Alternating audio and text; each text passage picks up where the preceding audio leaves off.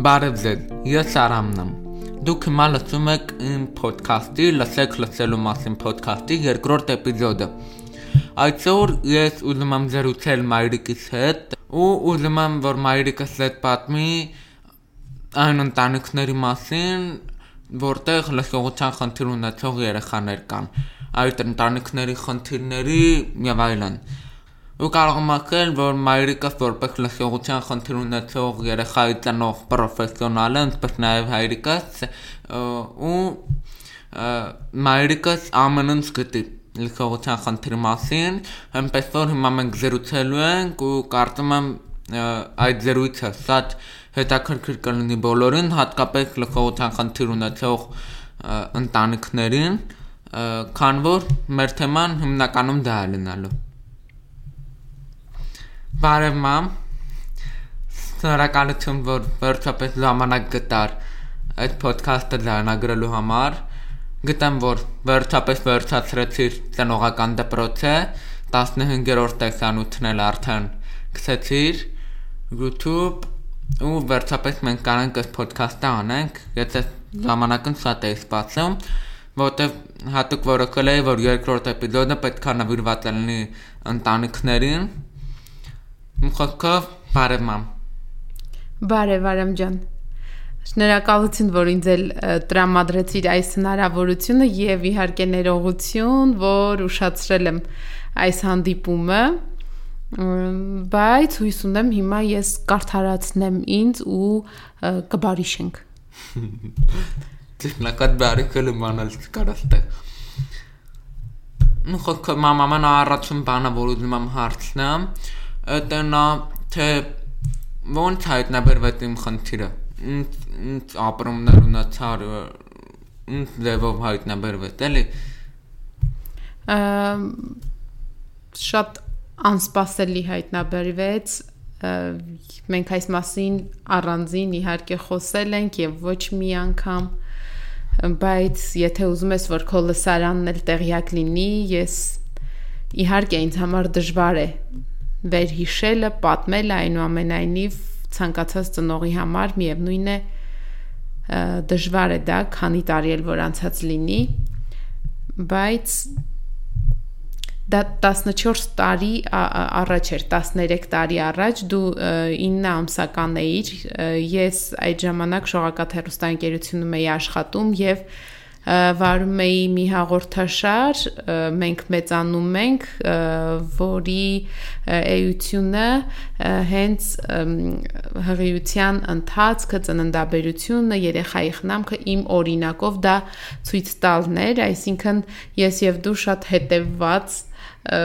մայր ապագա մայրիկ եւ բալիկ էինք որովհետեւ բժիշկների ուշադրության կենտրոնում էինք այն բժիշկների, ում հետ հաղորդաշարը նկարահանում էինք։ Ամեն ինչ շատ հարթ էր ընթանում եւ դու ծնվեցիր ապրիլին, երջանկացրեցիր մեզ եւ շարունակում ես երջանկացնել,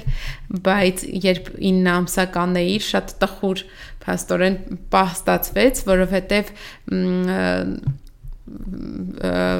վիրուսով վարակվեցիր եւ բրոնխներդ թոք եթե իհարկե լավ է սովորել դասը հիշում ես բրոնխները հա թոքարի բանը թոքարյան ամվրքն սանթափողը գալիքա կան բադամ վմամատիկները նման Ոայ, բրավո։ Փաստորեն մատիկ։ Այո, այդ բրոնխները մի քիչ բորբոքվել էին, դա կոչվում է բրոնխիտ։ Մի խոսքով բուժվում էիր այդ ժամանակ երբ պոլիկլինիկայի բժիշկը հարցրեց Արամը իր անունին տիրություն անում է արդեն ամեն ամիս բժիշկները այդպես քարտի մեջ լրացնում են ես կարկամեցի ասացի այս վերջում ոնց որ թե այդքան չէ բժիշկն ասաց անպայման ուշադիր եղեք որովհետև ժամանակն է ու այդպես տաքսու մեջ վերադառնալիս ես սկսեցի փորձել արամ, արամ տարբեր կողմերից դու չարձագանքեցիր ու գիտես մորքուրենց պոլիկլինիկայում ենք հա մենք գրանցված ես իսկույն զանգեցի մորքուրին ու ասացի որ Արամը կարծես թե չի լսում խնդրում եմ քիթ կոկորթական ջաբանի մոտ հերթ պահիր որ վերադառնամ ու ստուգենք մորքուրը ջղայնացավ ինչ ես երեխային բաներ կպցնում ինչ ես ասցի չէ քուր իսկապես կարծես թե այսպիսի խնդիր կա ու արդեն ես շատ տագնապած տաքս վարորդին խնդրեցի վերադարձանք պոլիկլինիկա լոր բժիշկը իր մեթոդներով ինչ որ հնարավոր էր պոլիկլինիկայում ստուգեց ու այդպես անմիջապես չուզեց ասի որ խնդիր կա, բայց դա բացահայտ էր, որովհետև հետևից խաղալիքները չրխկացնում էին, ծափեին տալիս եւ այլն ու չկար այդ ձենը, ականջի մեջ նայեց, կարծես թե թմկա թաղանթը նորմալ է, ամեն ինչ նորմալ է։ Մի խոսքով ասած, որ պետք է հետազոտվենք ավելի խորը ուրիշ հիվանդանոցում, արդեն բժշկական կենտրոնում հետազոտվեցինք եւ բարձվեց, որ այդ խնդիրը ցավոք կա, հաստատվեց եւ բժիշկները կանգնեցին հենց այդ վիրուսի ազդեցության վրա, ասացին, որ հնարավոր է, որ վիրուսը այնպիսի ազդեցություններ թողել լսողական նյարդի վրա, որ առաջացրել էր նման ցավոք ծանր ծանրալսություն, որովհետև ծանրալսությունը 4 աստիճանի է լինում, առաջին, երկրորդ, երրորդ, չորրորդ եւ հետո արդեն խլությունն է։ Առաջին աստիճանի ծանրալսության դեպքում շատ թեթև շշուկները կամ շրշյունահա տերևների խշխշոցը նման ձայները չեն մարդիկ լսում։ Երկրորդի դեպքում մի քիչ ավելի շատ ձայներ եւ ավելի բարձր ձայներ չեն լսում եւ այդպես 4-րդ աստիճանը համարվում է ամենախորը ծանրալսությունը, որովհետեւ սահմանն է խլության։ Ու ցավոք քեզ մոտ ստացվել էր այնպես, որ ձախականջում դու ինքդ էլ գիտես, որ խլություն։ Իդեպ դու ո՞նց ես տարբերակում դա։ Ինձ թվում է հետաքրքիր կլինի լսողներին։ Եթե երկու լսողական սարքերն էլ կրում ես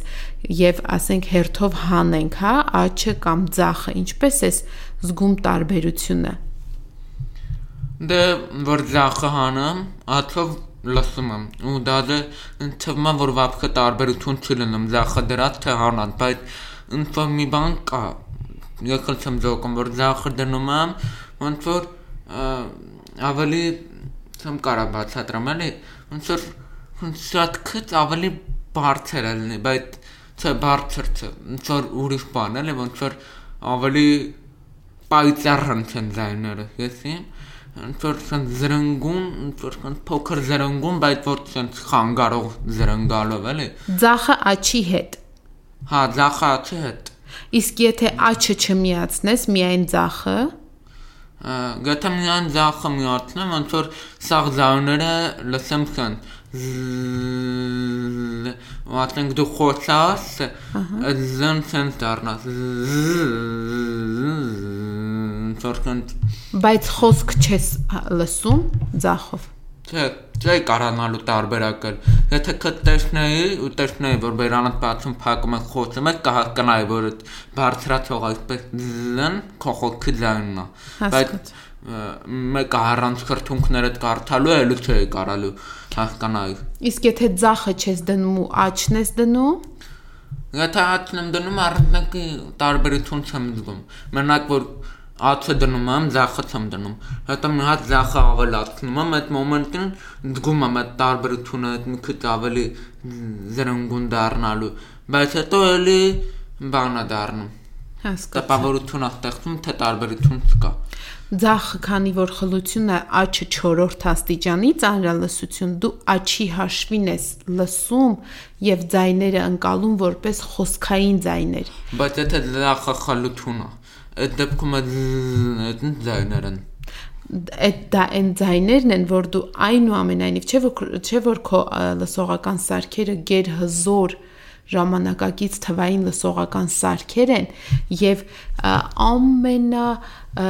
ծանր դեպքերի դեպքում նույնիսկ ինչ որ մի ձևով ձայնի բարձրացում են իրականացնում եւ լսելի դարձնում, բայց ինչպես տեսնում ես խլության դեպքում խոսքային տարբերակում չկա եւ դա փաստորեն շատ բարդ դեպք է, եթե մարդու մոտ երկու ականջն էլ լինի խլություն, երկու ականջում էլ լինի խլություն, նրա մոտ խոսքի զարգացումը գրեթե անհնար կլինի, փաստորեն անհնար կլինի։ Նույնիսկ իմ կարծիքով գուցե սխալվում եմ, դա արժե երևի բժիշկների հետ էլ հետագայում, եթե դու ունենաս ոդքասթներ բժիշկների հետ էլ կարող ես հարցնել նույնիսկ կոխլեար իմպլանտացիայի դեպքում հնարավոր է որ էականորեն չօգնի վիրահատությունը, եթե լրիվ խլություն է։ Պաստորեն դու լսում ես աչի մի քիչ պահպանված լսողական ռեցեպտորների հաշվին, լսողության հաշվին դառնում ես երկրորդ երրորդ աստիճանի ծանրալսող արամ, որովհետև նույնիսկ առաջին չի ստացվում շատ հնչյունների դեպքում, որովհետև շատ բարձր հաճախականություններ են եւ նույնիսկ այս շատ հզոր սարքերը, որ դու կրում ես, չի հասցնում օրինակ ս, ժ, ց, ց, ձ բարձր հաճախականության հնչյուն օրինակ ս-ի հաճախականությունը մինչև 8000 Հց է չես կարողանում լսել նորմալ։ Դրա համար դու այսպես արտասահմանցու մարդկա քեզ նման ես, չէ՞, արտասահմանցու նման է խոսում կամ թլոշավարիա մի քիչ ընկալվում, հա, քո խոսքը, սերը պիտի միշտ ուշադիր լինես, որ լավ ասես։ Վանա հետաքրքիր է, թե հիմա գիտեմ, որ դու ասում ես այդ տառերը, ու այդ լսում եմ, ես գումամ, բայց որ թիմանամ, ու դու առանց նախադասության մեջ պրոստը ասեք կարող ես ձգում դու ս նախացիր, ծ նախացիր, թե մեկը նախացիր որովհետև խոսքի մեջ առանձին չեն հնչում հնչյունները։ ես գտամ, որ այդ բառում այդպես է գրվում։ Դա ինչի շնորհիվ է։ Այն մեծ շատ ծանր երկարատև պարապմունքների, որի շնորհիվ դու խոսք ձեռք բերեցիր եւ ճանաչեցիր գրավոր ու բանավոր խոսքը Եվ հետաքրքիր մի բան ասաց Սայդ Ռուբենովնան վերջերս ծնողական դպրոցի հաղորդման ժամանակ ասաց որ կարդալիս ավելի պար, ճիշտ են կարդում հստակ, որովհետև դու տեսնում ես, որ գրված է սահնակ։ Իսկ եթե լսում ես, դու կարողա տահնակ ես, չէ՞ լսում, ես քեզ նման չեմ կարողանում ասել ստար, դու շատ օրիգինալ ես ասում ես ս հնչյունը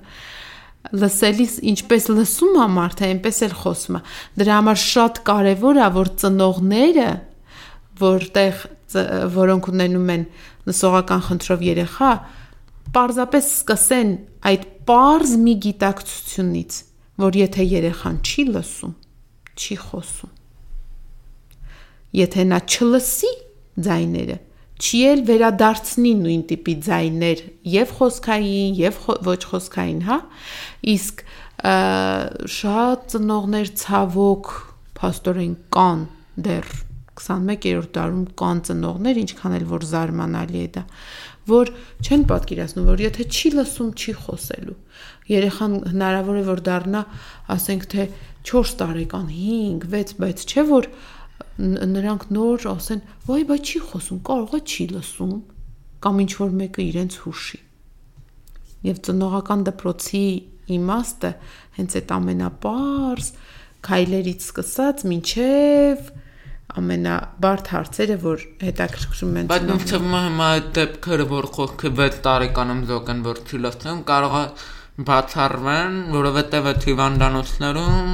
սկանինգ են անում արդեն, Սկրինինգ են անում, սկրինինգ։ Հա, սկրինինգ։ Այո։ Հիմա այդ դեպքերը գրեթե բացառվում են, որովհետև 2000 դու 2005-ին ես ծնվել արդեն 7 թվականից 2007-ից Հայաստանում նորածնային սկրինինգ են անում լսողական, այսինքն ծննդատանը ամենապարզ հետազոտությամբ արդեն առաջին 3 օրերին ծնվելուց հետո, հա, որոշում են երեխան ռիսկային խմբում է լսողական խնդրի, թե ոչ։ Փոքր պուլտի պես սարք է, տեղադրում են երեխայի ականջին, ներդիրի պես ինքը ծայր ունի եւ այնտեղ այդ սարքը ունի որոշակի ֆունկցիաներ, հա, բժիշկները վերապատրաստվել են, գիտեն եւ լսողական ազդակ են ուղարկում երեխայի ուղեղին եւ ստանում են պատասխան Եթե պատասխանը գալիս է, ուրեմն լսել է, հասել է այնտեղ։ Իսկ եթե պատասխան չի գրանցվում, ուրեմն երեխան պատասխանը ո՞նց է գրանցվում սարքը փոքր էկրան ունի, պուլտի պես սարք է, բայց ինքը փոքր էկրան ունի, էկրանի վրա գրանցվում է եւ եթե արդեն սկրինինգ իրականացնող բժիշկը տեսնում է, որ երեխան ռիսկային խմբում է, անպայման գրանցում են դա երեխայի տվյալների գրքույկում եւ ասում են, որ 3 ամս 1 ամսականում 3-6 ամսականում պետք է անպայման գնա արդեն մասնագիտացված կենտրոն, որտեղ վերջնական ախտորոշում կանեն 6 ամսականում արդեն կարողանում են օբյեկտիվ աուդիոմետրիա անել եւ վերջնական ախտորոշել։ Օբյեկտիվը աուդիոմետրիան ի՞նչ է օբյեկտիվն է ընդհանրապես աուդիոմետրիա նշանակում է լսողության չափում երբ ասում ենք գոյություն ունի երկու տարբերակ՝ սուբյեկտիվ աուդիոմետրիա եւ օբյեկտիվ աուդիոմետրիա։ Սուբյեկտիվի դեպքում, որը ունի տարատեսակներ, խաղայինը հիշում ես, որ դու խաղալիքը դնում էիր դույլի մեջ կամ հիմա որ ստուգում են, հա, քեզ դու ասում ես այո, այո, լսում եմ, ոչ, չեմ լսում, չէ՞։ Երբ ասում են լսում ես արամազդակը ուղարկում ենք ձայնային սուբյեկտիվի դեպքում ստուգվող մարդը մասնակցում է process-ին իր պատասխաններով դա կլինի խաղային պատասխանով, որ խաղալիքը փոքր երեխաները, որ դեռ խոսք չունեն, ուղակի ռեֆլեքս են ձևավորում իրենց մոտ, մասնագետները, այսպես խաղալիքը մոտեցնում են ականջին եւ ասում են. «Լսի, դու, եթե երեխան լսում է տուն, չկ գցում է վեդրոյի մեջ, հա, դույլի մեջ։ Եթե չի լսում, չի գցում» այդ ռեֆլեքսը ձևավորելով դա սուբյեկտիվ է, երեխան մասնակցում է։ Իսկ օբյեկտիվի ժամանակ երեխան չի մասնակցում։ Նա քնած է կամ բնական քնով, եթե խորը քնած է, կամ հիմնականում անզգայացնելուց հետո եւ համապատասխան սարքավորումներով այսպես գլխին ամրացնում են եւ միացնում են համակարգչին, ծրագիրը միացնում ուղարկում են նորից նույն ձևի ձայնային ազդակներ դու տարբեր հաճախականության եւ տարբեր դեցիբելների, հա, ուժգնության ու ստանում են ուղեղից եկող պատասխանը անկախ երեխայի կամքից։ Ուղղակի պիտի երեխան չշարժվի, որ արտեֆակտներ չգրանցվեն եւ փորձ սխալը փորձի սխալները բացառվեն չշարժվի, ուղեղը հանգիստ լինի եւ դա պատասխանները դա օբյեկտիվ աուդիոմետրիան է մի խոսքով այդպես եթե վերադառնանք ինչպես քեզ մոտ հայտնաբերվեց 9 ամսականում մենք այդ հետազոտություններն անցանք եւ բարձվեց որ ձախ ականջում խլություն է աչում 4-րդ աստիճան եւ սկսվեց մեր դժվար, դժվար, դժվար, շատ դժվար ճանապարհը, բայց հավատի ճանապարհը, որովհետև եթե չհավատայինք մենք քեզ, մեզ եւ իհարկե մասնագետներին եւ հնարավոր է որ չգիտեմ, ես շատ եմ կարևորում հավատը գործին, որովհետև օրինակ երբ ինչ որ մի նոր բառ պիտի սովորեիր դու կամ նոր միտք, նոր ասենք թե երևույթ, ես ինքս ինձ այսպես ասում եի Բայց այդ ինչ է, որ Արամը չկարողանա։ Կկարողանա։ Մի տեսակ այսպես այդ ներքին հավատը շատ էր ինձ օգնում, ակտիվացնում, ուժեր տալիս, ոգևորում էր։ Երևի չգիտեմ, այն հավատը ինչ որ մարդիկ ընկալում են, մենք ընկալում ենք հա Աստծո նկատմամբ հավատը դա էլ Ջուլիա տատիկներ, տատիկի քույրիկը շատ հավատավոր կիներ ինքը ամեն օր զանգում էր ու ասում էր Կարին ջան, հավատա, մեր ադան չի հավատում, բայց դու հավատա լավա լինելու։ Ինքը այդ տեսակետից էր հավատում։ Իսկ ես ավելի շատ քո ուժերին, մեր մասնագետներին, բայց դե իհարկե նաև ամեն օր խնդրում էի նաև Աստծուն, որ թույլ տա, որ մի բան անի, չգիտեմ, դա ինչքան ասա երևի թեմայից մի քիչ շեղվեցի, բայց այդ խնդրանքս էլ ամեն օր կար ու կա։ Մամ, հետո որ խոսքը պարապմունքները սկսվեցին, արդեն ես ոնց է այդ փոքր տարիքը հասկանում որ պետքա պարապամ։ Ոայ, Արամ ջան, այդտեղ օկնության հասավ մյուս տատիկը, Էլմիրա տատիկը, Գորիսից։ Դե գիտես, տատիկը մանկապարտեզի 1000 տարվա, 1000 չէ, բայց հաստատ 30-ից ավել, հա, տարվա մանկավարժա ու անկեղծ ասած ես ես էլ մանկավարժական կրթություն ունեմ, բայց ինչը ինձ իդեպ օգնել է։ Ես նկատում եմ, որ նույնիսկ եթե ես ինչ որ բան քիչ գիտեմ, այդ քիչը կարողանում եմ բացատրել դիմացինին դա երևի մանկավարժական կամ կրթության ի վերջո պտուղն է, հա, ինչի համար շնորհակալ եմ, եթե այդպես է կամ էլ որ մամաս մանկավարժա այդ մի տեսակ այդ բանը մեջս զգում եմ որ կա, բայց նույնիսկ դա զգալով, դա իմանալով ես չէի կարողանում քեզ նստեցնել, որովհետև պատկերացրու արդեն 9 ամսականում հայտնաբերվեց մի տարեկան մի ամսականում, ինչև մենք պատվիրեցինք, հա, հավատ հասարակական։ Իդեպ էլի հավատ հասարակական։ Տեսնում ես ինչ կարևոր է կազմակերպությունը հավատեն կոչել, չէ՞, մեզանից 10 տարի առաջ։ Հասկացանց պատվիրեցինք ինձ։ Հավատ հասարակական կազմակերպության եւ Արաբկիր բժշկական կենտրոնի, որտեղ դիսպանսեր հսկողությունն է նսողական խնդիրներ ունեցող երեխաների իրականացվում, բժիշկների Տամար Ալեքսանդրովնայի եւ Լուսինեի միջոցով մենք պատվիրեցինք սարքը որ որովհետև Հայաստանում այդպես հենց երեխաների համար նախատեսված այդ ժամանակ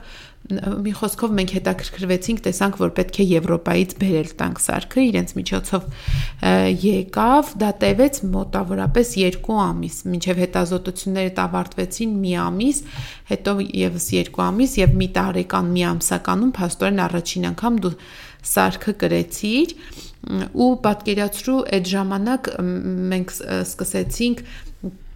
խորհրդատվության կոնսուլտացիայի գնալ Սայդ Ռուբենովնայի մոտ սուրդոմանկավարժի այսինքն երկու շաբաթ սկզբից ամիսը 1 հետո երկու շաբաթը 1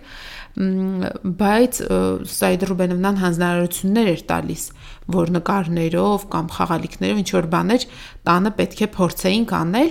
ինձ համար շատ դժվար էր քեզ նստացնել։ Իդեպ այս սեղանը այդ առիթով առանք սեղանի շուրջը, որովհետև մեր մյուս սեղանը գիտես մեծ է բարձր ավելի։ Ու այդ ժամանակ պապիկը եկավ Գորիսից, գնացինք այս փոքր սեղանը առանք, որ դու փոքր կարողանաս շուրջը նստել առանց ինձ էլի ու պարապել։ Բայց միևնույնն է ինձ այդքան չէր հաջողում քեզ նստացնել այսպես բանի գորգի վրա, պապաներ գրկում, բան, որտեղ պատահի ես պարապում եի, բայց հասկանում եի, որ դա սխալ է ու որ տրտնջում էի մամայիս ասացի մամ ին ո՞նց եք անում մանկապարտեզում մսուր խմբում երեխաները ո՞նց են ենթարկվում խնդրում եմ ինձ մի ձևի օգնի բնականաբար առանց այդ խնդրելու էր տատիկը արդեն այդ ամեն ինչը ինքը նկատել էր եւ եկավ մայիս ամսին փաստորեն մայիս Երևի գուցե ամիսը շփոթում եմ։ Եկավ եւ մի ամիս տատիկը այստեղ մնաց ու չգիտեմ ինչ հրաշքով, ինչ մանկավարժական sense ֆոկուսներով, չեմ իմանում ինքը ոնց ադատատիկն էլ էր իդեպ շատ զարմացել, որովհետև ինքն էլ չէր կարողում դե ադատատիկը դպրոցում աշխատելու մեծ երեխաների հետ աշխատել ու Էլմիրան քեզ նստացրեց այս փոքր սեղանի շուրջը ու գնաց։ Ու այդպես պատկերացրու այդ ժամանակվանից դու արդեն գիտեիր, որ ասում էի Արամ ջան, արի պարապում ենք, բան նստում էիր թեկուզ 5 րոպե, 10 րոպե։ Գիտես, այդ տարիքի երեխաների համար լսողական ծնողական դպրոցում մանկավարժները շեշտում էին, որ ամսականների ժամանակ 9-10 մինչև մի տարի, ասում են նույնիսկ 10 վայրկյան, եթե երեխայի ուշադրությունը կենտրոնացնում են, դորթեն մեծ բանա։ Ու տատիկը ինձ ասաց Էլմիրան, որ եթե 5 րոպե էլ նստածնես Արամին, 7 րոպե էլ նստածնես, ամեն օր մի րոպեն ավելացնես, դա իմացի, որ արդեն ձեռք բերում է։ Ու շատ պատկերացրու փոքր երեխան նստած դասա անում այդ տարիքից ցանկացած երեխա էլ երևի որ այդ տարիքից այդքան զբաղվեն իր հետ շատ հետաքրքիր մարդ կդառնա ինձ թվում է մամ սկտամ հարցեր տամ ասենք արդեն ամենից պատմեցիր երկու հարցով մի հատ հետաքրքիր հարց տամ вообще ինչեւ եմ լսողության խնդրը բացահայտվել է դու ինչ որ ձևով առանցված ես այդ խնդրին կամ գիտեիր այդ որ ընդհանրապես տեն խնդիր կա Արամ ջան դե իհարկե գիտեի այնպես չի որ կյանքում առաջին անգամ էի լսում թե ինչա ծանրալսությունը կամ խլությունը ընդհանրապես չէ գիտելը գիտեի գիտենալը գիտեի բայց անմիջապես մենք չէինք առնչվել մենք մեր բարեկամների մեջ ունենք գավո պապիկը որ պապիկա ու լսողական սարքեր կրում իդեպ շատ բան սարքեր էին, երևի անորակ էին կամ սարքը գուցե այդքան անորակ չէր, հետականջային սարքեր, բայց երևի ներդիրների բանի հարցներ սվսվում էր ու այդպես էլ չսիրեց, չէր կրում հիմնականում, բայց ես հիշում եմ, որ ինքը ղափանից գալիս էր, տատիկը տարել էր Գորիսում խանութ կար, սովետի տարիներին, որ այդ սարքերից վաճառում էին եւ Գավո պապիկը դնում էր, բայց Գավո պապիկի դեպքում դա ինքը մեծ ժամանակ իջել իր լսողությունը այսինքն այդտեղ խոսքի զարգացման խնդիր չի ձերբերովի ա եղել եւ մեծ ժամանակ հնարավոր է ձերբերովի լինի եւ փոքր ժամանակ երբ դեռ երեխան խոսք չունի եւ նորից խոսքի զարգացման մեծ հարցը ցակի կամ երեխայի զարգացման ընդհանրապես հա մեծ հարցը որ ճանապարով խոսքով, ժեստով, եթե խոսքով, ապա սարքով, թե կոխլեար իմպլանտով եւ այլն։ Իսկ գավոպապիկի դեպքում այդ հարցը դրված չէր, ուղղակի իրեն պիտի սարքը օգներ, որ այդ առնչությունն էր։ Իսկ այնպես որ ուսանող էի օպերայի շրջակայքում հատկապես մենք Պուշկինի փողոցի վրա էինք ապրում փողոցում երևի թե փողոցի վրան է ճիշտ չգիտեմ ոնց նա Պուշկինի փողոցում ենք ապրում ու օպերայի այն անկյունում որ Սայաթնովայի արձանն է սպիտակ։ Հա։ Այնտեղ մի քիչ վերև որ պուլպուլակ կա է ու նստարաններ կա։ Այդ նստարաններին որ ուշադիր լինես, հիմա էլ ժեստերով խոսող մարդիկ այնտեղ ոնց որ թե իրանց հանդիպման վայրեր ինչ էր հիմա էլ եմ տեսնում մեկ-մեկ։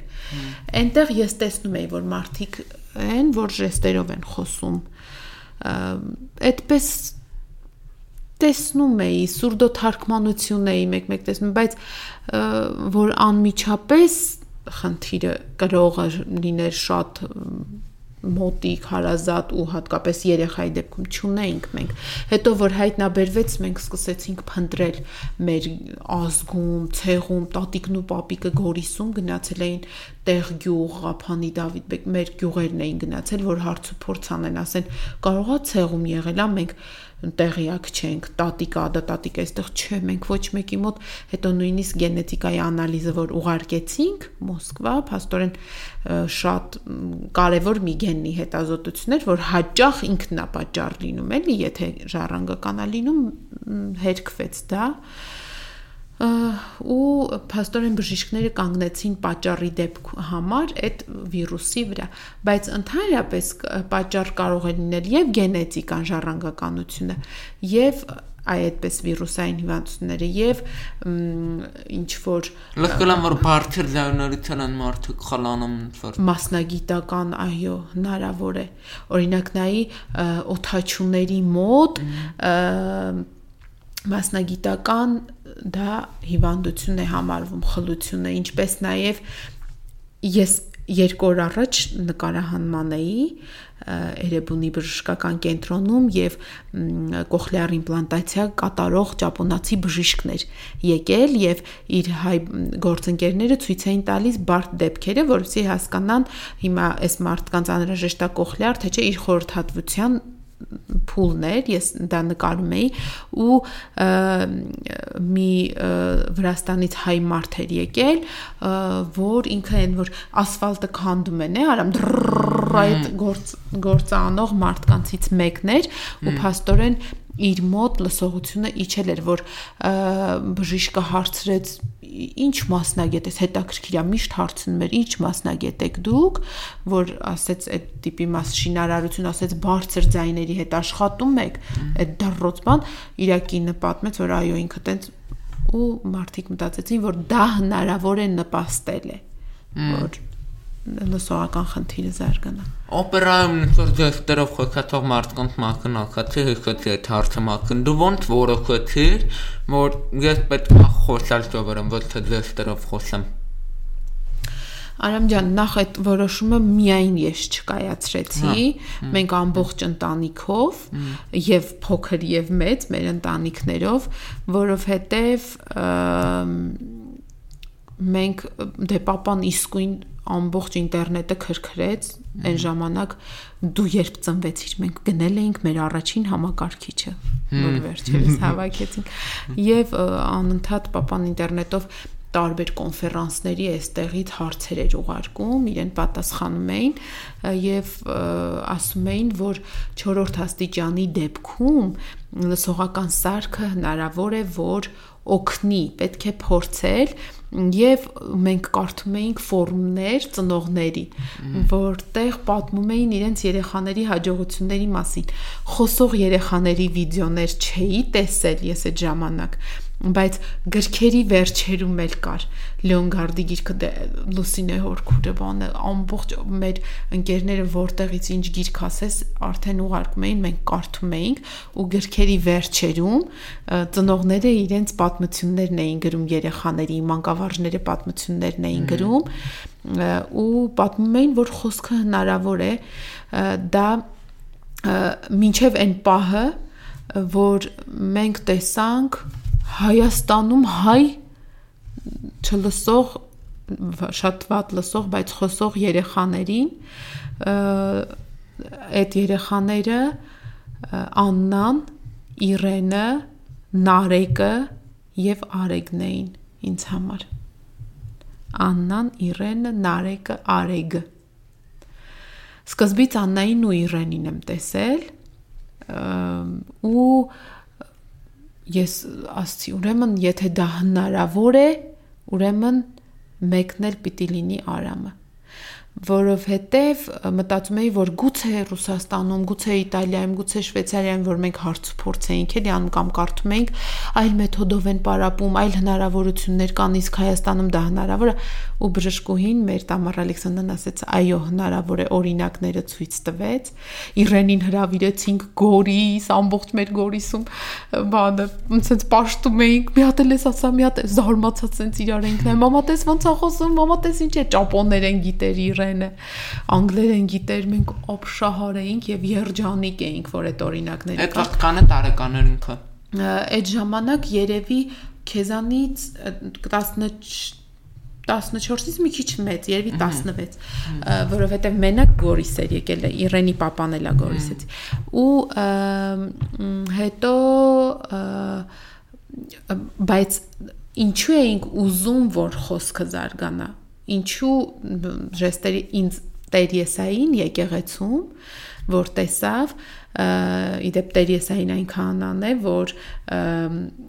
իր կամքով ժեստերի լեզու է սովորել, որ խուլերին ժեստերով պատարակ բացատրի։ Դե ես որ շողակաթում էի աշխատում, շատ էի շփվում հոգեվորականների հետ։ Տեր Եսային ասացի, որ Տեր մեր ընտանիքում էր անման խնդիր ցակել, բան ասաց, Կարինե միայն ժեստեր չփորձես խոսք սովորեցնել բան, ես ասացի, ինչու, ինչու եք այդպես ասում, ասաց իրենց աշխարից մի կտրի իրեն, աստծո գործերին մի խառնվի։ Ես ասացի, Տեր հայր ջան, բայց եթե Արամը ժեստ սովորի, քիչ մարդու հետ շփվելու հնարավորություն կունենա։ Հայաստանում ով գիտի ժեստ։ Ով է ձեզ նման, ասենք ինքնակամ գնում ժեստեր սովորում, որ ժեստով հաղորդակցվող մարդու հետ ինչից ասես խոսի եւ պատարակից, եւ քաղաքականությունից, եւ Ճապոնիայի փոթորիկներից, եւ չգիտեմ, նկատի եք գտամ ընդհանրապես ժեստերը լեզու։ Բայց կոզայի մանայ։ Կուզեիր, երբ երբ զգաս, որ Ժակին ասա թող Ժակա տղայի անունը քո ընկերոջ որ Ժորժին ասա թող սովորեցնի հիմա արդեն գիտես մի փուլ կա երբ խոսքը պարապում են այդ ընթացքում պետք չի խառնել որովհետև ուղեղում նորը ճապոնացին դա բացատրում էր տեսողական ընկալման եւ լսողական ընկալման կենտրոնները չպիտի սենց խառնվեն, ճիշտ է, բնականon դրանք միասին են գործում, բայց ժեստով տեսողական մենք պատկերներով ենք տվյալ բառը պատկերացնում։ Իսկ խոսքով հնչյուններով, ճիշտ է ու եթե զուգահեռ են սկսում այդ երկուսը երեխաները ավելի շատ դեպի ժեստ են գնում, հեշտ է լինում իրենց համար ժեստը ու խոսքը ծուլություն են անում, էլի չեն ուզում չարչան։ Իսկ այս դեպքում, որ դու արդեն խոսքը ունես, դες Սայդ Ռուբենովնան մեզ նույնիսկ չթողեց, որ անգլերենը ռուսերենը, անգլեն տատիկը շատ էր նեղվում, ինքը ռուսերենի մասնագետ էր եւ ուզում էր դու էլ ռուսերեն փայլուն իմանայիր, ինչպես ինքն ու papan, հա, որ ռուսերենի մասնագետն են,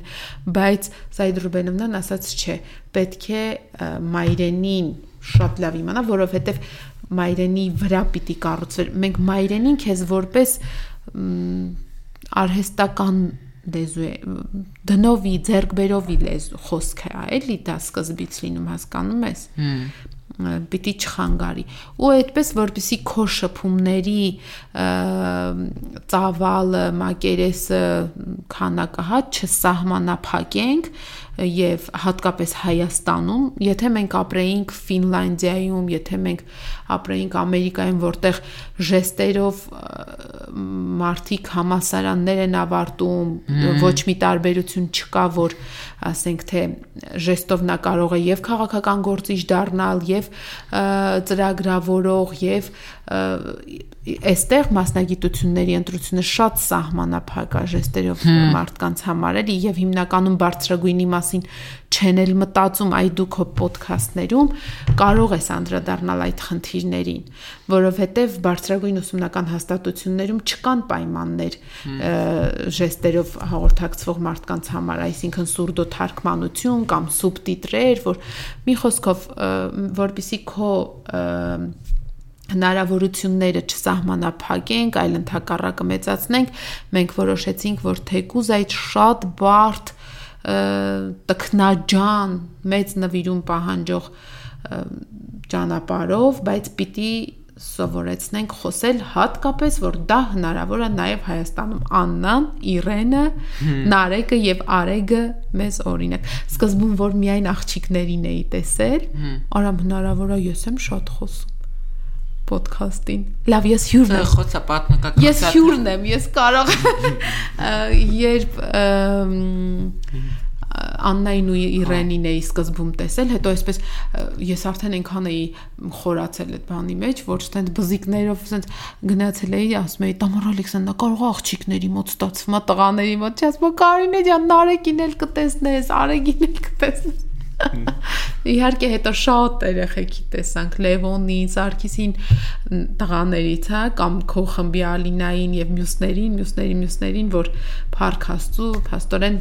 շատ լավ լսողական սարքերով ģեր ժամանակակից թվային ճիշտ սարքի ընտրությամբ, ճիշտ կարգավորումներով, նաստրոյկաներով եւ շատ տկնաջան, հետևողական, կարգ ու կանոնով սուրդոմանկավարժի հետ աշխատելով դա հնարավոր է։ Հմ։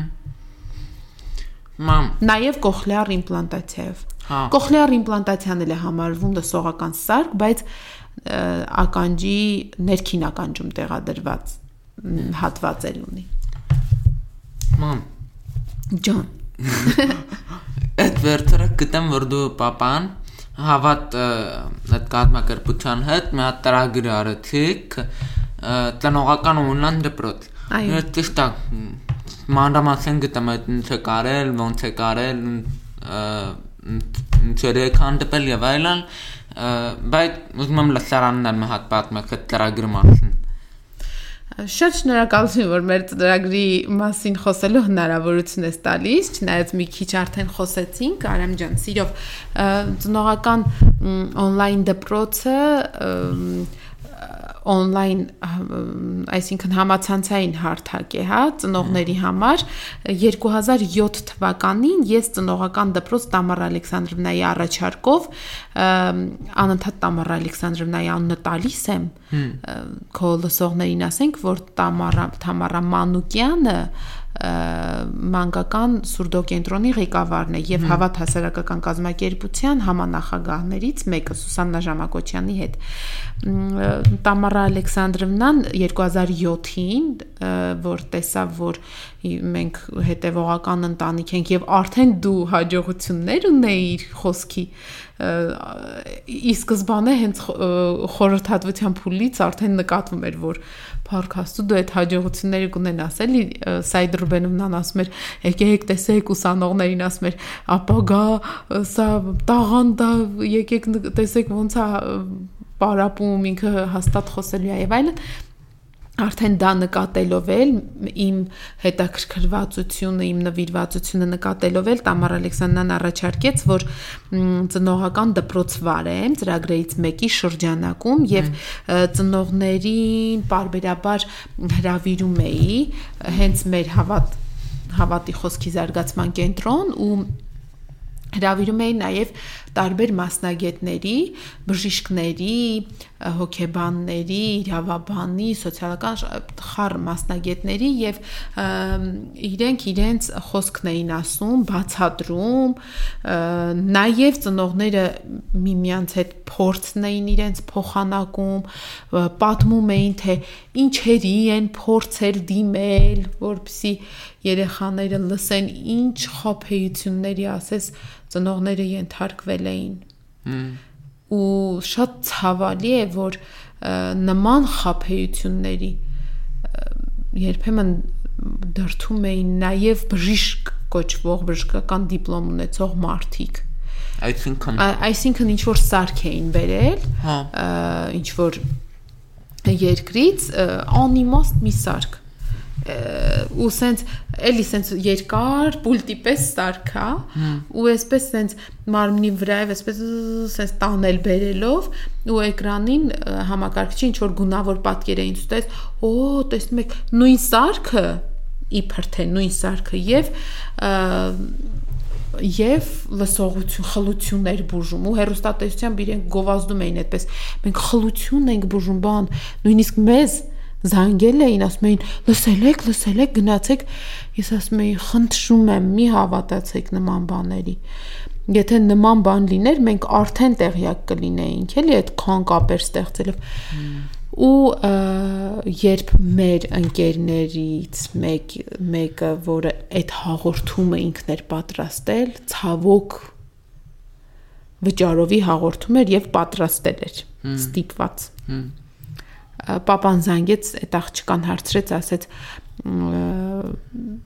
այսպիսի բան էս էլի հաղորդել այդ ինչ սարքային չոտ ասեց խնդրում եմ հանկարծ երեխային չտանեք այդտեղ պատկերացնում ես դե մեր ընկերն էր ազնիվ էր բայց մինչև իր ասելն էլ ես մենք երբեք չէինք գնա այդ քայլին ու այդպես այդ պուլտը սենց սենց տանում բերում են իբր թե ամեն ինչ ստամոքսը լյարդը սիրտ ամեն ինչը այդ սարքով նկարում էին բուժում էին ես իմ ինչ էին ան Հետագայում ես դրան անդրադարձա նաև հաղորդումով, որ ծնողները բողոքում էին 1000 դոլարներով փողեր վերցնում ու բնականաբար այն տարիներին դու պատկերացնում ես ոչինչ էլ չէր օգնում ես իրեն ասցի օրինակներ ցույց տվեք ինքը ասում է իրավունք չունեմ եւ այլն բայց ես ասցի իսկ ես պիտի օրինակներ գտնեմ եւ ծնողների եմ գտնելու ու ծնողները բողոքեցին Համլետի մայրիկը օրինակ մեր խմբից մի խոսքով կարևոր չի մի խոսքով այսինքն կարևոր է այնքանով որ ծնողները մոլորվում էին շատ հաճախ եւ այդ ծնողական դպրոցին այդ մասին որ պատմում էին իրար ասում էին չգնաք չգնաք նույնիսկ գիտես ինչ կար ծնողներից մեկը ես չեմ իմանում էլի իհարկե իրանք ոնց են մտածում տարել էին մի հատ տատիկի մոտ, Արմավիրի, չգիտեմ որ գյուղում։ Երեխա ես ոդքի բութ մատի տակը մաշկը կտրել էին, սիսեր, սովորական սիսերա դնում է տատիկը, այնտեղ ասում է, «Էս սիսերով ես բուժելու եմ եսի միջը»։ Մամա ջան։ Ահա որ, իսկապես Արամ ջան։ Ու այ այդ այդ աստիճանի չիմացությունից մինչև այն աստիճանի չիմացությունը, որ շատ ծնողներ իսկապես էլի շատ կարդում են, շատ հետևողական են, շատ հետաքրքրում են եւ այլն եւ իրենց շատ ավելի նուրբ հարցեր են հետաքրքրում արդեն լսողական սարքերի տեսակներից, լսողական սարքերի աքսեսուարների հնարավորություններից եւ այլն, որովհետեւ այդ բոլոր հարցերի պատասխանները լինի մի հարթակում, մի տեղ եւ մարդիկ դժվարություն չունենան մեղրիից, ագարակից, նոյեմբերյանից, օձունից, ալավերդի տարբեր տեղերից, հա, հերու շրջաններից հասնելու այստեղ Պարզապես բացեն YouTube-ը կամ հավատի մեր էջը կամ Facebook-ի մեր էջը հավատի եւ նայեն այդ դասերը, որտեղ 15 տեսանյութով տարբեր թեմաների են անդրադարձել,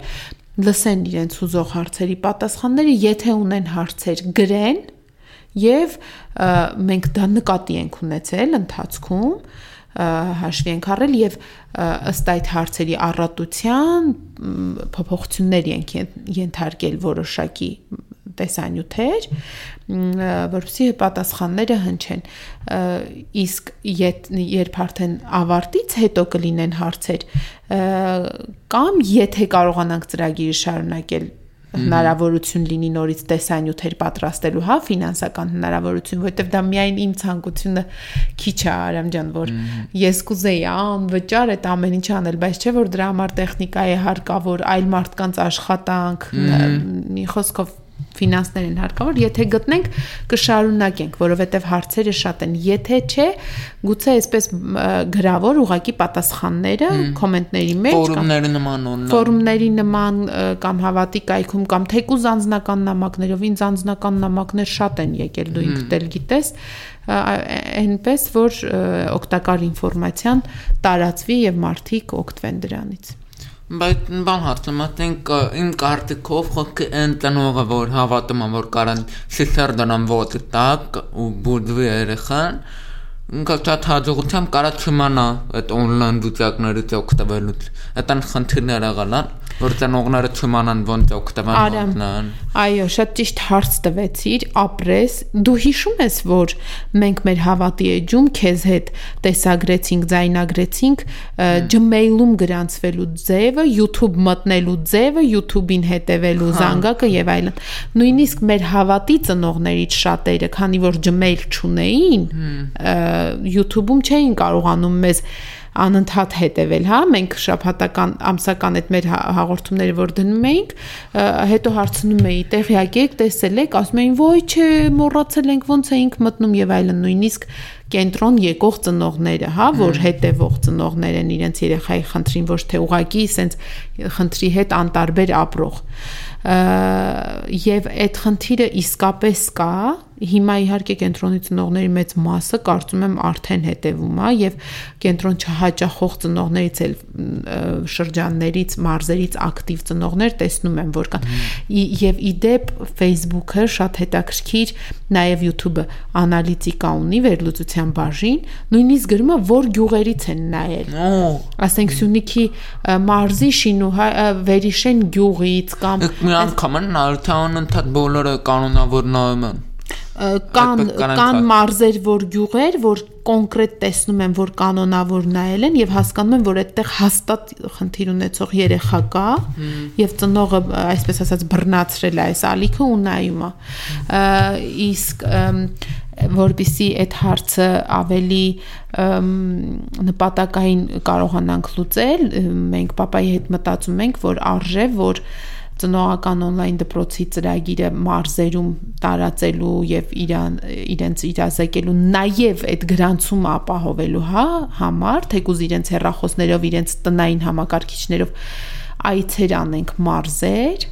պայմանավորվենք այնտեղ ինչ որ կրթական օջախների հետ կամ մարզպետարանների առողջապահական կազմակերպությունների հետ հավաքվեն իրենք պիտի որ տվյալներն ունենան իրենց մարզում քանի երեխա կան նման խնդրով ովքեր են որ գյուղերից են բոլորին հravirեն միտեղ մենք գնանք եւ ներկայացնենք ծնողական դպրոցը եւ գրանցենք եւ հետեւելու ճանապարհներն ասենք եւ նայելու ճանապարհներն ասենք, որ ավելի ոնց որ այդ թիրախ լսարանը ավելի տեղեկացված լինի։ Չնայած տեղեկացված լինելու համար մենք շատ ես առանձին դրա համար ծրագրի մեջ գրել էի ծրագիրը գիտես դա դրամաշնորային, ենթադրամաշնորային ծրագիր էր, Եվրոպական միությունը ֆինանսավորեց եւ հայկական բարեգործական ընդհանուր միության ու Եվրասիա համագործակցության հիմնադրամի համատեղ քաղաքացիական հասարակություն կամուրջ ծրագրի նորարարության խրախուսում ենթադրամաշնորի շրջանակում ա եղել։ Երկար անունով Շատ երկար անունա ու դու պատկերացրու ես դա ամեն անգամ պիտի ասեի հիշում ես, չէ։ Ու այդ ծրագրի կոմպոնենտներից, բաղադրիչներից մեկը ես գրել էի հենց լուսաբանումը որովհետև լինելով հերոստատեսության լրագրող ես գիտեմ որ լուսաբանելը շատ կարևոր է եւ եթե parzapes հravirես առանց վճարելու մարդկանց հնարավոր է որ ժամանակ չունենան այդ օրը նիստերի լինեն ազգային ժողովի լինեն ցույց լինի իսկ եթե դու որոշակի գումար այնուամենայնիվ նախատեսես որ գոնե ինչ որ մեկը գոնե երկուսը գան եւ լուսաբանեն եւ գոնե այդպես տարածես ավելի ազդեցիկ կլինի ու այդ լուսաբանող նյութերի դիտելիությունն էլ բավական փաստորեն լավ արդյունք բերել են դրանք այսինքն եւ իհարկե գործընկերային լուսաբանումներ շատ եղան Եթե դու հիշում ես, որ հատկապես ծրագրի ներկայացման օրը տարբեր լրագրողներ տարբեր մենք բոլորին հրավիրել էինք, եկան, գրեցին, Media-Max-ը անդրադարձավ, News-AM-ը, իմ փոքրիկը TV5-ը շանտ գնացինք բժշկույներից մեկի հետ նայլի հանրային հերոստանգերություն գնացինք, այսինքն լուսաբանումը բավական լավ կազմակերպվեց եւ կարծում եմ ծնողական դպրոցի մասին ել չհաշված իմ Facebook-ի պատը, որովհետեւ իսկապես ես դա զգում եմ, որ իմ Facebook-ի պատը շատ ազդեցիկ է ընկերները շատ են ու հետո որ ինձ որպես առողջապական հաղորդում վարող հետևում են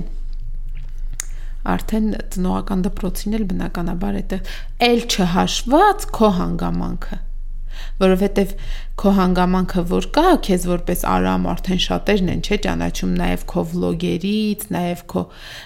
բլոգից, նաև հիմա հույս ունեմ ոդքասթից էլ կճանաչեն, որպես լսողական խնդրով երեխա, որ հաղթահարել ես, հաղթահարում ես եւ հետաքրքիր նյութեր ես տեղադրում եւ այլն, մարդիկ օրինակ իմ պատին ես տեսնում եմ, որ եթե քո վերաբերյալ նյութ է լինում կամ լսողության խնդրով հա ինչ որ խնդրի վերաբերյալ նյութ է լինում, առանձնակի ուշադրություն են դարձնում։ Ոյ, արամ, նա, արամ, նա այդ հանգամանքը կա։ Հմ Մամ, մեկ էլ բան ասեմ, ասենք քո կարտիկով է ծնողական դպրոցը։ Օգտակար կլինի այն ծնողներին, որոնց երեխաներն արդեն մեծ են, այդ զարգացման փուլն անցել են։ Օգտակար կլինի այդ ծնողներին։ Արա մենքան հետաքրքիր հարց տվեցիր, բալես։ Ծնողներից մի քանիսը, մեկը կարծեմ նույնիսկ բանով գրել էր, գրել էր կոմենտների մեջ, ես երբ զանգում էի վերջին տեսանյութին հravirելու երեխաներին, որ օրինակներն էինք, չէ, վերջին հա։ տեսանյութով տալիս, ծնողներից շատերը, որ մեծ երեխաների ծնողներն էին ասում էին, «Վայ Կարինե ջան, ոնց մեր ժամանակ չկար տենց բան։ Ոնց էի ուզում մի տեղ մի բան գտնեի, կարդայի, ոնց էի ուզում մեկը ինձ մի բան ասեր, լսեի» Հասկանում ես, այդ ծնողների ժամանակ նույնիսկ խոսքի կենտրոնը դեռ չկար էլի նորմալ ձևավորված։ Անհատապես պարապում էին, բայց խոսքի կենտրոնը նոր-նոր էր ձևավորվելու եւ իրար չէին ճանաչում, շրջաններից գալիս էին արագ գնում եւ այլն այդ թիմը չկար ծնողների հիմա օրինակ տես ամեն սուրդոմանկավարժի ծնողներ իրենք արդեն թիմ են, չէ, մի մինի թիմ են եւ ինձ թվում է ուղակի sense հետադարձ հայացքի համար էլ օգտակար կլինի եւ մի ուրիշ հանգամանք էլ կա այստեղ, որովհետեւ նայ գուցե այդ երեխաներից, մեծ երեխաներից լինեն մարդ երեխաներ, որ իրենց դեռ խնդիրը հետաքրքիր է այնքանով, որ իսկ գուցե իրենց երեխաներն էլ հանկարծ ունենան այդ խնդիրները հետագայում եւ իրենք արդեն տեղը կիմանան չէ որ երիտասարդներ են ամուսնանալու են հեսա երեխաներ կունենան աստված տա ոչ որևէ խնդիր չունի բայց եթե հանկարծ եթե կամ իրենք ինչ որ մտավախություն ունենան կարող են լսել պլյուս որ մենք շատ ուզում ենք որ շարունակվի իսկապես որովհետև այս փուլում ծնողական դպրոցի ոնց որ բանը ավարտահա դպրոցին բերեցինք հասցրեցինք այն տարիքին որ խոսքով գնում են դպրոց չհաշված ամփոփման հաղորդումը որ մեծերն էլ էին բայց դպրոցում էլ ինքդ լինելով աշակերտ գիտես որ հա։ կան խնդիրներ որոնց մասին արժե եւ պետք է խոսել եւ դրանց լուսաբանումը պետք է շատ լավ կազմակերպենք հույս ունեմ կկարողանանք եւ նաեւ մանկավարժներին օգնող դու ինքդ գիտես որ քո մանկավարժները ինչքան կարիք ունեն ինֆորմացիայի, որ իմանան ինչպես վարվեն լսողական խնդրով Պոդքասթներից մեկը դրա մասն էլ եմ անել։ Ներառական կրթության, այո, անպայման, անպայման արժե։ Իդե բանը թե հարցնի մռթա։ Դե լավ հիշի։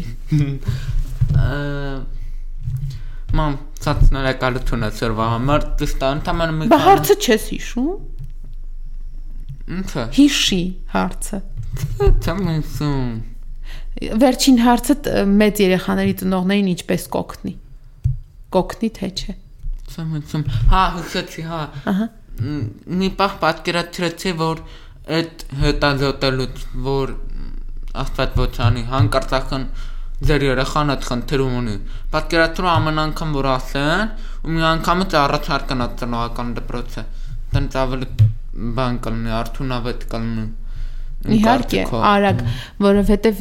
ճիշտ է Սարամ ջան։ Մի անգամդ կհետևեն։ Արամ ջան, որովհետև այդ պահին ճիշտ ես ասում շատ եւ մեր ծնողական դպրոցի դասերից մեկը, դաս տեսանյութերից մեկը հենց այդ հոգեբանական խնդրին մասին է ընտանիքի եւ ծնողների եւ դրա հաղթահարման հա ձևերի այդ պահին երբ ասում են որ չի լսում դա շոկ իսկապես ես չգիտեմ բառ չեմ գտնում էլի հիմա ես հա։ արդեն 14-13 տարի հետո գուցե հանգիստ եմ խոսում կամ ինքս ինձ բայց ես այդ իրավիճակը չեմ ցանկանա ոչ մեկին մենք մենք ճշնամիներ չունենք բայց եթե սենց եթե կա էլի տենց կատեգորիա, հա թշնամի, թշնա նույնիսկ այդ խոսքը կա, ասում եմ, ես թշնամուս երեխայի նույնիսկ դա կամ հենց թշնամուս չեմ կամենա, որ երեխան ինչ որ առողջական խնդիր ունենա եւ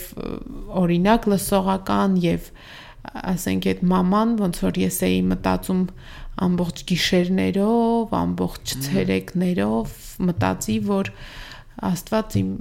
բա իմ Մարամը ինձ չի ասելու մամա ու ու եթե քո ասած տարբերակով հենց հայտնաբերվի ու ցույց տան ծնողական դպրոցը տեղեկացնել որ sense բան կա, այդ մարդը շուտ կտեսնի, այդ օրինակները շուտ կտեսնի, ճանապարհը հենց այդ նպատակով էլ արված է, որ չի մոլորվի, ինքը կպատկերացնի ինչա լսողական զգայարանը, ոնց է դա աշխատում, ինչ ինչ պատճառներով է հնարավոր որ խաթարվի այդ աշխատանքը, ոնց է դա հայտնաբերվում, ինչ կասկածների դեպքում, ոնց է հաստատվում այդ ախտորոշումը, ոնց է դրվում աստիճանը, ինչպես է ընտրվում լսողական սարքը, այսինքն եւ հոգեբանական պահը, սոցիալական աշխատողը, պետության հետ հարաբերությունները, ինչ են ժեստերը, երբ է ընտրվում ժեստերի ճանապարհը, ինչա կոխլեար իմպլանտացիան, երբ պիտի անպայման կոխլեար իմպլանտացիայի գնալ եւ ի վերջո ինչ են սուրդոմանկավարժական պարապմունքները, երաժշտական պարապմունքները եւ ինչպես են մարդիկ հասնում այդ նպատակին այդ երազանքին հակացա ապրես մամ շատ լավ խոսացիր ընդամենը մի քանի հատ հարց տվեցի մի 5 հատ ոնց որ ու դու ամենն համարը պատմեցիր այդ մասին շատ նորակալություն Արամ ջան, այս մասին պատմելու իրականում բան շատ կա։ Եթե զգաս, որ քո լսողներին, հետևորդներին ոդքասթի հետաքրքրեց, արձագանքներ լինեն, ես գիտես որ սիրով նույնիսկ եթե այդ արձագանքները սկզբում այնքան էլ շատ չլինեն, որքան մենք կուզեինք, միևնույնն է ես սիրով միշտ պատրաստ եմ եւ քո հարթակում եւ ընդհանրապես լուսաբանել լսողական խնդիրը, հատկապես այն դեպքերում, երբ դա առաջաբերում երեխայի զարգացման ճանապարհի ընտրության հարց խոսք, ժեստ, այսինքն երեխան, երեխայի զարգացումը չպիտի տուժի անկախ այդ խնդրից, հա, ելնելով այդ խնդրից, որովհետև դա հնարավոր է, ուղղակի դա պիտի ճիշտ կազմակերպվի։ Եթե ի սկզբանե այն իրավիճակն է, իսկ այդ իրավիճակները ծնողական դպրոցում շատ ճիշտ շատ մանրամասն նկարագրում է Լուսինեն բաբան, որ երեխային ցուցվում է ժեստերի լեզուն, պետք է գնալ առանց վարանելու ժեստերի լեզվի ճանապարհով, եթե կոխլեար իմպլանտացիան խոսքի համար, կոխլեար իմպլանտացիան, եթե լսողական սարքերը օգնում են, ուրեմն լսողականով նպատակային, նպատակադրված դիսցիպլինայով եւ շատ նվիրված աշխատանք պիտի անեն ծնողները, որ հասնեն քեզ նման խոսացող եւ ոդքասթներ անող եւ վլոգ վարող եւ երբեմն մարդկանց գլուխը չաչանակությամբ տանող, բայց սա կատակոն, բայց իհարկե որ խոսքը ավելի մեծ հնարավորություններ է տալիս ներառվելու։ Խոսքը ավելի մեծ հնարավորություններ է տալիս ազատ զգալու երևի։ Դու այդ այդ մասին կարող ես դու ասել։ Հա, խոսքը իրականում շատ մեծ հնարավորություններ է տալիս։ որ հիմա նայում եմ ու պատկերացնում եմ մեր դասարանը փոքր տարիքում էլ հիմա ու ես որ խոսայի, այլ դեստերը փորձեի հաղորդակցել։ Նախ մեր դասը չեմ պատկերացնում, որ կարողանայի ընկերանալ այդ երեխեքի հետ քան որ փոքր ժամանակ նախ չեն հասկանա ինչ անում է երեխան ձերքերով բանման մեծ տարիքում կարող է հասկանային, բայց հեռու մնային իրանց կյանքը չբարթացնեն եւ այլն։ Ինք խոսքի դեպքում տենց չի։ Այդ մենակ այդ հասարակ օրինակը բերեցի, բայց ամեն տեղ էլ շատ իրավիճակներում մեկ-մեկ մտածում եմ, ասում եմ, ինչ կլներ, եթե խոսալ չմանայի, զեստերով խոսայի, ու ինչ պետք է անեի, որ այդ իրավիճակը լուծումը գտնեի, այդ իրավիճակում կարողանայի պահել ամեն անգամ ավտոբուսի ցուցնելուց որ ասում եմ կպահեք այստեղ դժտա ինչ-որ կանոպկը կան բանման, բայց դրանք ձևական են։ Ես մի անգամ դա դե փորձեցի մի հատ ավտոբուսում։ Սեղմեցի այդ գրածեր կանգառում կպահեք խոլյու համրերի համար։ Սեղմեցի չպահեց։ Հետա քրեր չէ։ Նույնիսկ ես չգիտեի որ դու տենց փորձարկումներ ես արել։ Հա, հուսով եմ այդ մի ավտոբուխում այդ տեխնիկական խնդիր է եղել։ Կարելի է անդրադառնալ փորձել, բոլորը, եթե շատ ավտոբուսներում կան։ Ես զարմացա, որ տենց բան կա։ Այ հետաքրքիր։ մանուկսակագերներում կա։ Հələ ոչ բոլորում։ Այդ վերջերս որ սկսեցի գնալ անգլերենի բանի, Թումո եւ այլն, այդ մանուկսակագուն ավտոբուսը ամենտեղ համարա գնում է ու նստում էի, որոշ ավտոբուսներում այդ կոծակը կա, որոշներում չկա։ Այ հետաքրքիր բան ես ասում, գիտես։ Միտեղ այդ կոծակը չի գրած խոլու համրերի համար, միտեղ գրած է կոկիկ բանման։ Միտեղ Հայերեն է գրած արա։ հա, գրած է խոլու համրերի համար։ Հա, հասկացա։ Արամ, տես դու ինչ հետաքրքիր բաներ ես ասում, հենց որպես խնդիրը կրող մարդ էլի, ոչ թե խնդիրը կրող ծնող։ ու արժե որ դու դրանց մասին հենց առանձին ոդքասթներ անես իմ կարծիքով, Հա, էպիզոդներ անես, ավելի ճիշտ, ես էլ եմ էլի սովորում քեզ քեզանից ու ինձ թվում է որ հատկապես կրթության ոլորտի հարցերը շատ կարևոր են, որովհետև տես ը, ներառականությունը հիմա չեմ ուզում առաջանցնենք, հա, գուցե կրթության հաղորդմանը ինձ հրավիրես կրթության մասնագետի հետ, թեկուզ 3-ով, հա, լինի, պիտի իդեալական դեպքում եթե ժեստերով խոսող երեխա է, որևէ խնդիր չունենա ներառական դպրոցում։ Այնտեղ բոլոր դասատուները ժեստ իմանան, երեխաները ժեստ սովորեն,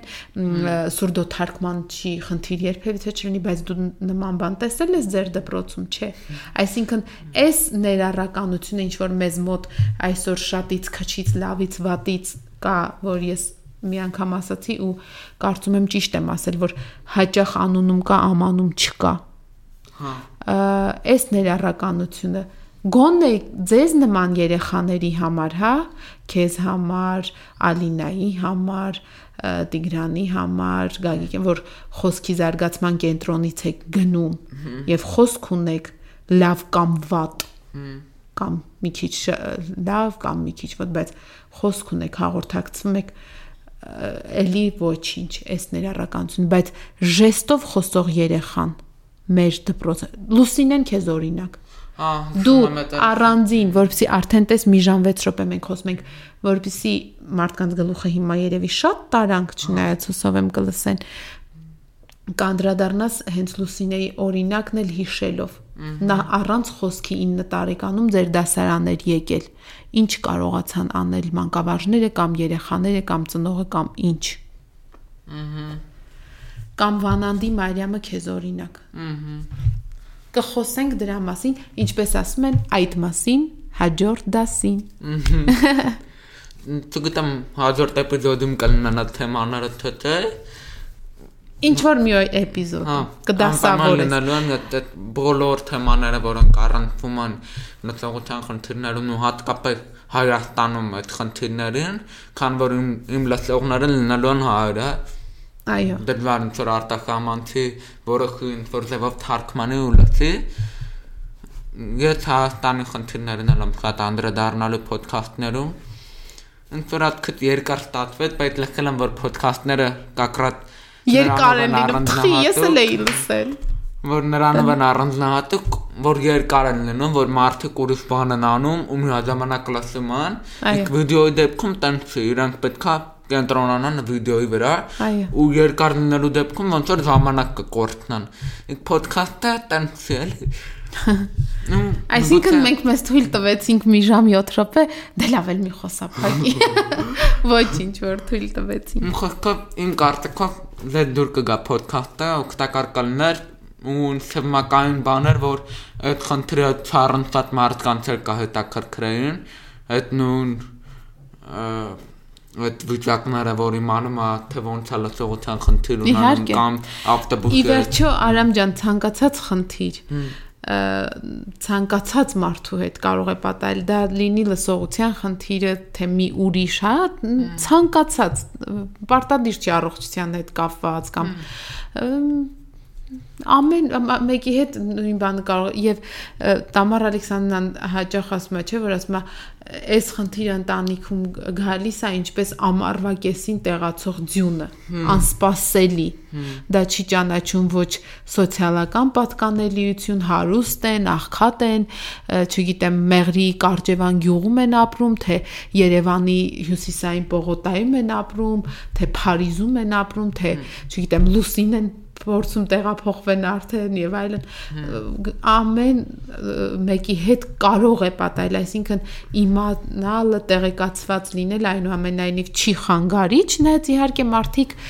օրվա շատ ծանրաբեռնվածության եւ ժամանակի քչության մեջ ընտրում են այն ինֆորմացիան որը իրենց հենց այդ պահին պետք է դե հույս ունենանք որ ում պետք է կհանդիպի եւ կլսի Մոտ ավելի լավ է որ հատկապես առողջական խնդիրներ ոչ չլինեն չհանդիպեն։ այո Դե ունցակեմ Սա շնորհակալություն որ լսեցիք ինձ ու մայրիկից։ Հուսով եմ ձեզ դուր եկավ այս էպիզոդը ու եթե հետաքրքրեց եւ եթե կուզեք հետևեք իմ ոդքասթին, լսեք լսելու մասին։ Իմ ոդքասթը կարող եք գտնել YouTube-ում, ինչպես նաեւ բոլոր ոդքասթ հարթակներում։ շնորհակալություն Սա շնորհակալություն։